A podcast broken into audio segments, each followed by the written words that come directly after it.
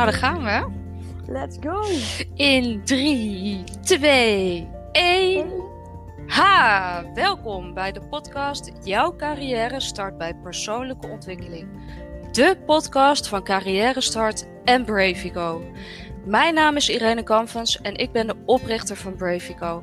Dat is het platform waar alles draait om verbinding. Ik praat in deze eerste aflevering met. Juliaan. En uh, ik werk, ben een werkstudent bij Carrière Start. Uh, Carrière Start is een organisatie die studenten en starters een goede aansluiting laten vinden op de arbeidsmarkt. En dit doen wij aan de hand van een drie-stappenplan.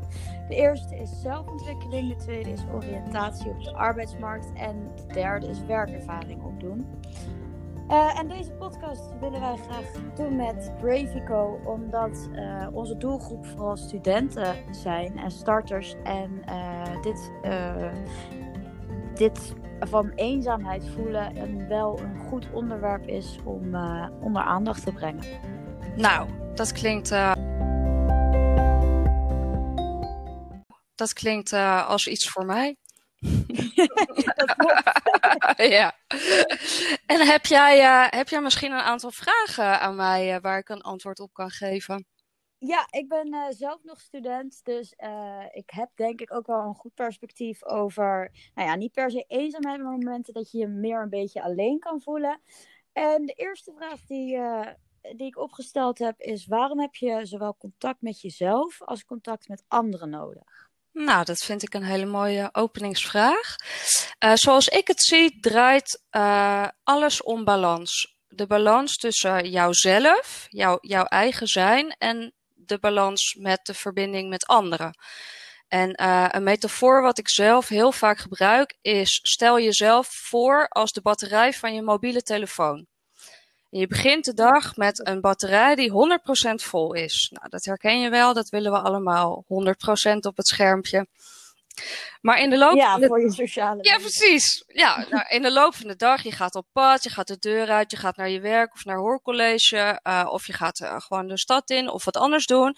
En dan zie je het aantal streepjes steeds verder afnemen hoe minder streepjes, hoe meer onrust. Want jij wil natuurlijk niet zonder die telefoon komen te zitten. Nee, want wat moet je dan zonder telefoon als je muziek wil luisteren, whatsappen, bellen? Exact. Kijk, jouw telefoon is uiteindelijk het lijntje naar de buitenwereld. En dat lijntje wil je niet kwijtraken. Nou, wat kun je nou doen? He, je kunt een gokje wagen en je kunt op pad gaan met 10% op je mobiele telefoon en hopen dat die telefoon het niet begeeft.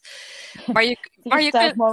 Exact, ja. uh, stamina aanzetten. En er zijn natuurlijk allemaal leuke trucjes voor te bedenken, maar het voelt wel een beetje ongemakkelijk.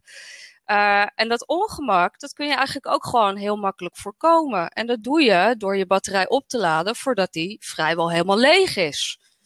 Maar hoe doe je dat dan, zeg maar, als je ja, geen telefoon bent, maar een student?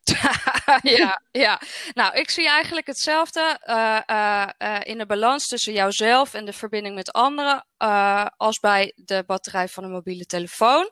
Namelijk, het is helemaal niet zo erg om af en toe even uit te checken en offline te zijn en alleen met jezelf te zijn. Maar als je niet af en toe ook oplaadt, samen met anderen, loopt je batterij uiteindelijk echt helemaal leeg. Met andere woorden, wij hebben mensen nodig uh, waar we contact mee kunnen onderhouden om ons op te laden. En ik zeg altijd 50% van jouw eigen batterij is jouw eigen kracht en de andere 50% is de energie die je haalt uit de verbinding met anderen. Oké, okay, nou, dat is wel echt een duidelijke uitleg. En ik herken mezelf er ook wel in. Dat je inderdaad andere mensen nodig hebt om af en toe ja, energie te krijgen of die energie over te nemen. Maar wat ik me dan ook afvraag is, wat wanneer je samen bent met mensen of iets samen doet? Ja, ja, nou dat is ook een goede vraag. Uh, en, en dat is natuurlijk voor iedereen wel anders, hè, wat er gebeurt als je in een groep bent. Sommige mensen zijn helemaal niet zulke groepsdiertjes. En die voelen zich er eigenlijk alleen maar heel erg onzeker of onprettig bij. Uh, maar probeer je voor te stellen dat je een gevoel hebt wat je krijgt als je, als je iets doet waar je echt energie van krijgt. En dat kan voor de een bijvoorbeeld zijn winnen met je sportteam. Uh, voor de ander aangenomen worden voor een toffe baan waarvan jij dacht dat je het sollicitatiegesprek compleet verknald had. Of je hebt een tentamen gehaald waar je echt wekenlang over hebt gepiekerd en het is je toch gelukt. Of je hebt een prachtig gedicht geschreven waar iedereen enthousiast over is. Nou, dat geeft een fijn gevoel. Ja, klopt. Alleen dat gevoel is van hele korte duur. Als je dat gevoel niet deelt, dan is het echt een hele snelle roes. Ja. Als je nou samen bent met andere mensen, dan geeft jouw energie als het ware af op andere mensen. En andersom. Dus jouw energie werkt als een soort aanjager van positieve gevoelens. En andersom, de energie van anderen doet ook weer wat met jou. Uh, dus het is eigenlijk een continue uitwisseling van dynamiek en energie.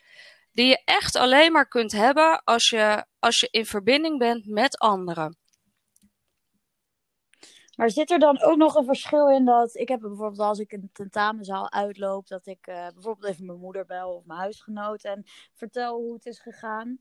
Um, maar um, is er dan nog een verschil tussen in het in fysiek uh, met mensen te vertellen of via uh, een digitale optie? Nou, kijk, er zit natuurlijk wel wat verschil tussen online delen en offline delen.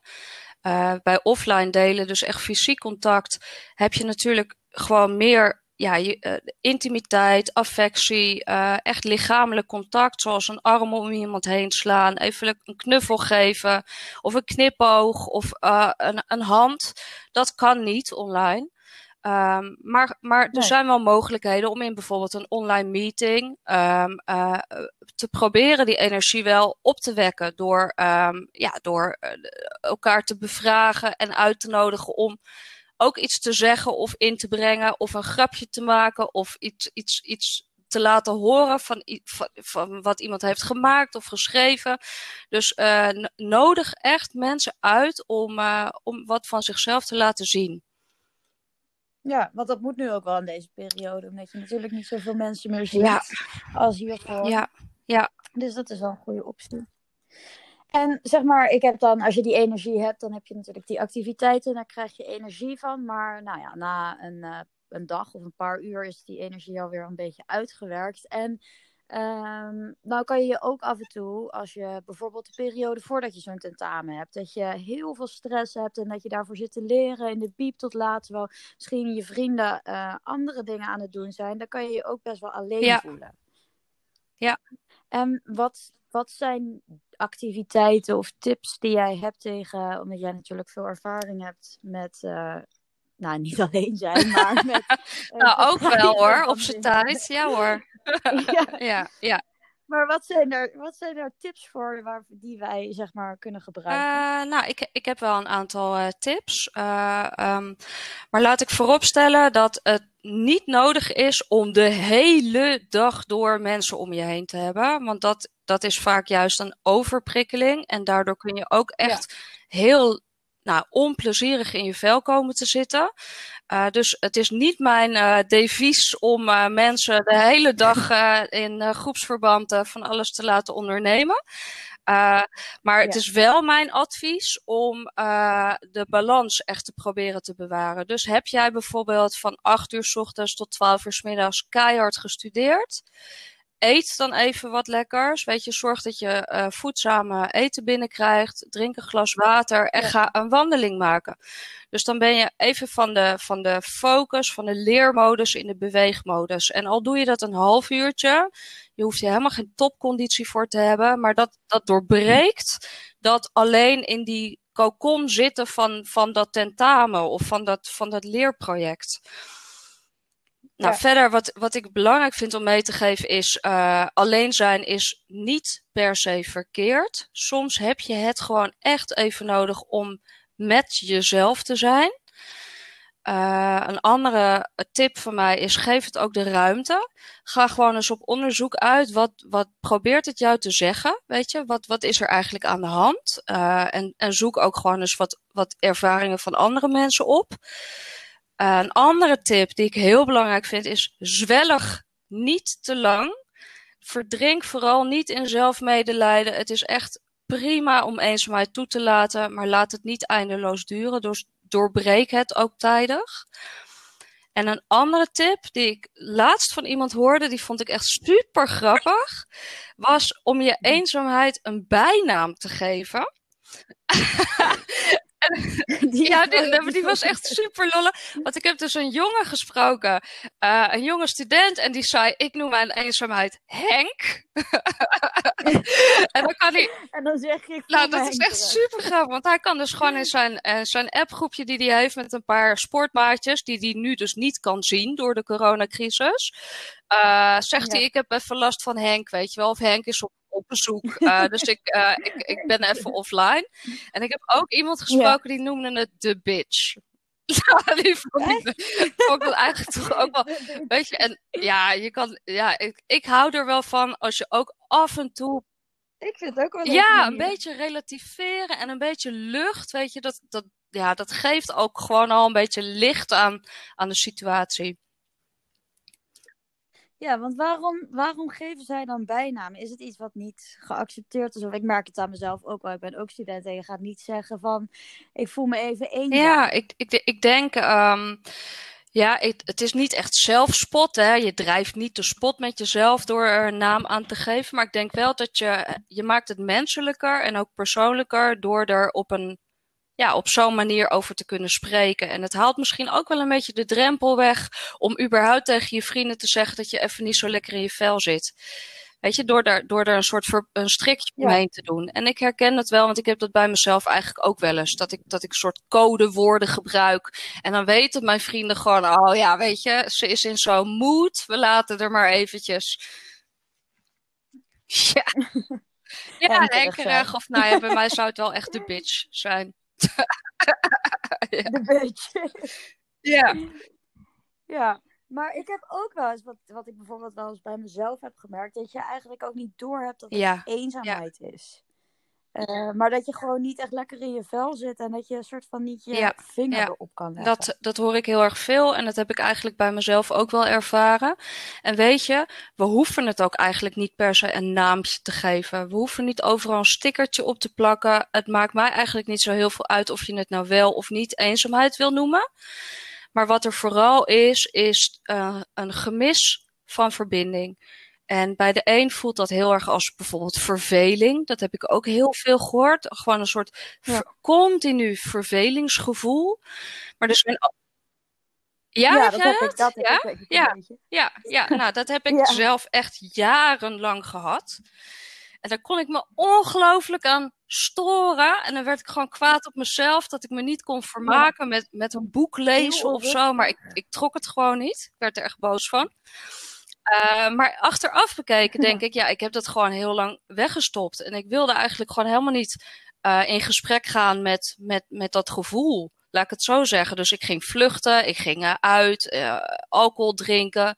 Maar er zijn ook jonge mensen die, die, die, die, ja, die verzuipen helemaal in het werk of in hun studie uh, of ja. uh, in uh, continu op social media zitten. Dus die spelen eigenlijk een beetje verstoppertje met hun gevoelsleven. En als je dat heel lang blijft ja. doen, dan kun je er echt heel erg veel last van krijgen. En dat ja, is met eenzaamheid net zo als bijvoorbeeld met liefdesverdriet of met rouw. Als je daar te lang niet af en toe ook het gesprek mee aangaat, dan, ja, dan, dan kun je echt allerlei gezondheidsklachten krijgen. Ja, en die zijn er ook zeker een veel, veel in deze generatie, zoals burn-out. Absoluut, en, maar ook bijvoorbeeld heel veel uh, lichamelijke klachten. Hè? Want als jij uh, chronisch stress hebt of chronisch somber bent, dan doet dat ook heel veel met je lichaam. Dus je kunt een onregelmatige hartslag krijgen of hartproblemen, uh, slecht slapen, hele nachten wakker liggen, heel erg aankomen of juist heel veel afvallen. Dus eigenlijk heeft heeft het niet de confrontatie aangaan met die, met die eenzaamheidsgevoelens op de lange termijn een heel schadelijk effect. Ja, nou dat is wel heel interessant om ja, dat nu te horen. Dat dat eigenlijk een effect ook kan zijn voor fysieke Absoluut, fysieke ja, absoluut. Want heb jij nog tips of uh, ja, punten of bronnen waar, we, zeg maar, waar je inspiratie Nou, ik ga natuurlijk in de eerste plaats mijn eigen platform noemen. uh, uh, www.bravico.nl. Je schrijft Bravico met een C, maar je zegt Bravico. Uh, je kunt uh, Braveco ook volgen op uh, Instagram en op LinkedIn. Daar zitten ook heel veel medestudenten en young professionals die, nou, die ons toch wel volgen voor handige tips of voor contacten. en in de toekomst, als deze hele coronacrisis voorbij is, gaan we ook weer wat toffe activiteiten organiseren. Dus daar kunnen mensen ook echt naartoe komen. Verder zou ik zeggen, probeer het vooral te zoeken in, in een stroming die jou aanspreekt. Dus bijvoorbeeld de filosofie of de psychologie of uh, uh, een, een, mooie zelfhulpboeken of Oosterse wijsheden zoals het boeddhisme. Daar kun je ook ontzettend veel uithalen. En probeer vooral een manier te vinden of een persoon te vinden ja, die gewoon bij jou past dus voor de een kan het zijn een sportmaatje waar je twee keer per week een wandeling mee maakt. En voor de ander is dat een goede coach. En voor de derde is dat een workshop volgen om wat lekkerder in je vel te komen zitten. Uh, doe vooral wat, wat goed voelt, wat bij jou past. Ja, nou, dit zijn goede tips. En uh, ik denk dat uh, dit een leuke eerste aflevering was van uh, misschien nog wel vele afleveringen. Absoluut, ja. Live dus, vanuit de thuisstudio, hè? Als... ja, live. Ja, mooi, hè? Een andere ja. locatie. Ja, dus als je, nou, als je deze podcast luistert en je herkent je in dingen of um, ja, je hebt nog vragen of opmerkingen of tips, uh, stuur het vooral naar, uh, naar Carrière Start. Julia, het Carrière Start. Ik zal het nog in de beschrijving zetten. En uh, dan hopen wij dat we op basis van die vragen ook weer een nieuwe. Ja, dat zou wel heel erg tof zijn. Want ik weet zeker dat er heel erg veel vragen zijn. En uh, schaam je niet, weet je. Er is niks normalers dan af en toe gewoon niet lekker in je vel zitten. Het leven is niet altijd een feestje. Uh, dus laten we daar in godsnaam ook gewoon over in gesprek blijven met elkaar. En uh, ja, ik sluit me helemaal aan bij jouw uitnodiging. Stuur je vragen in of deel je opmerkingen of ervaringen. En dan wijden we er een podcast aan. Yay! Yes! Okay, ja, nou, nou bedankt luisteraars voor het luisteren naar de allereerste editie van jouw carrière start bij persoonlijke ontwikkeling. Mijn naam is Irene en ik heb gesproken met Julia. We wensen jou een hele mooie dag en hopen dat je er de volgende keer weer bij bent. Doei!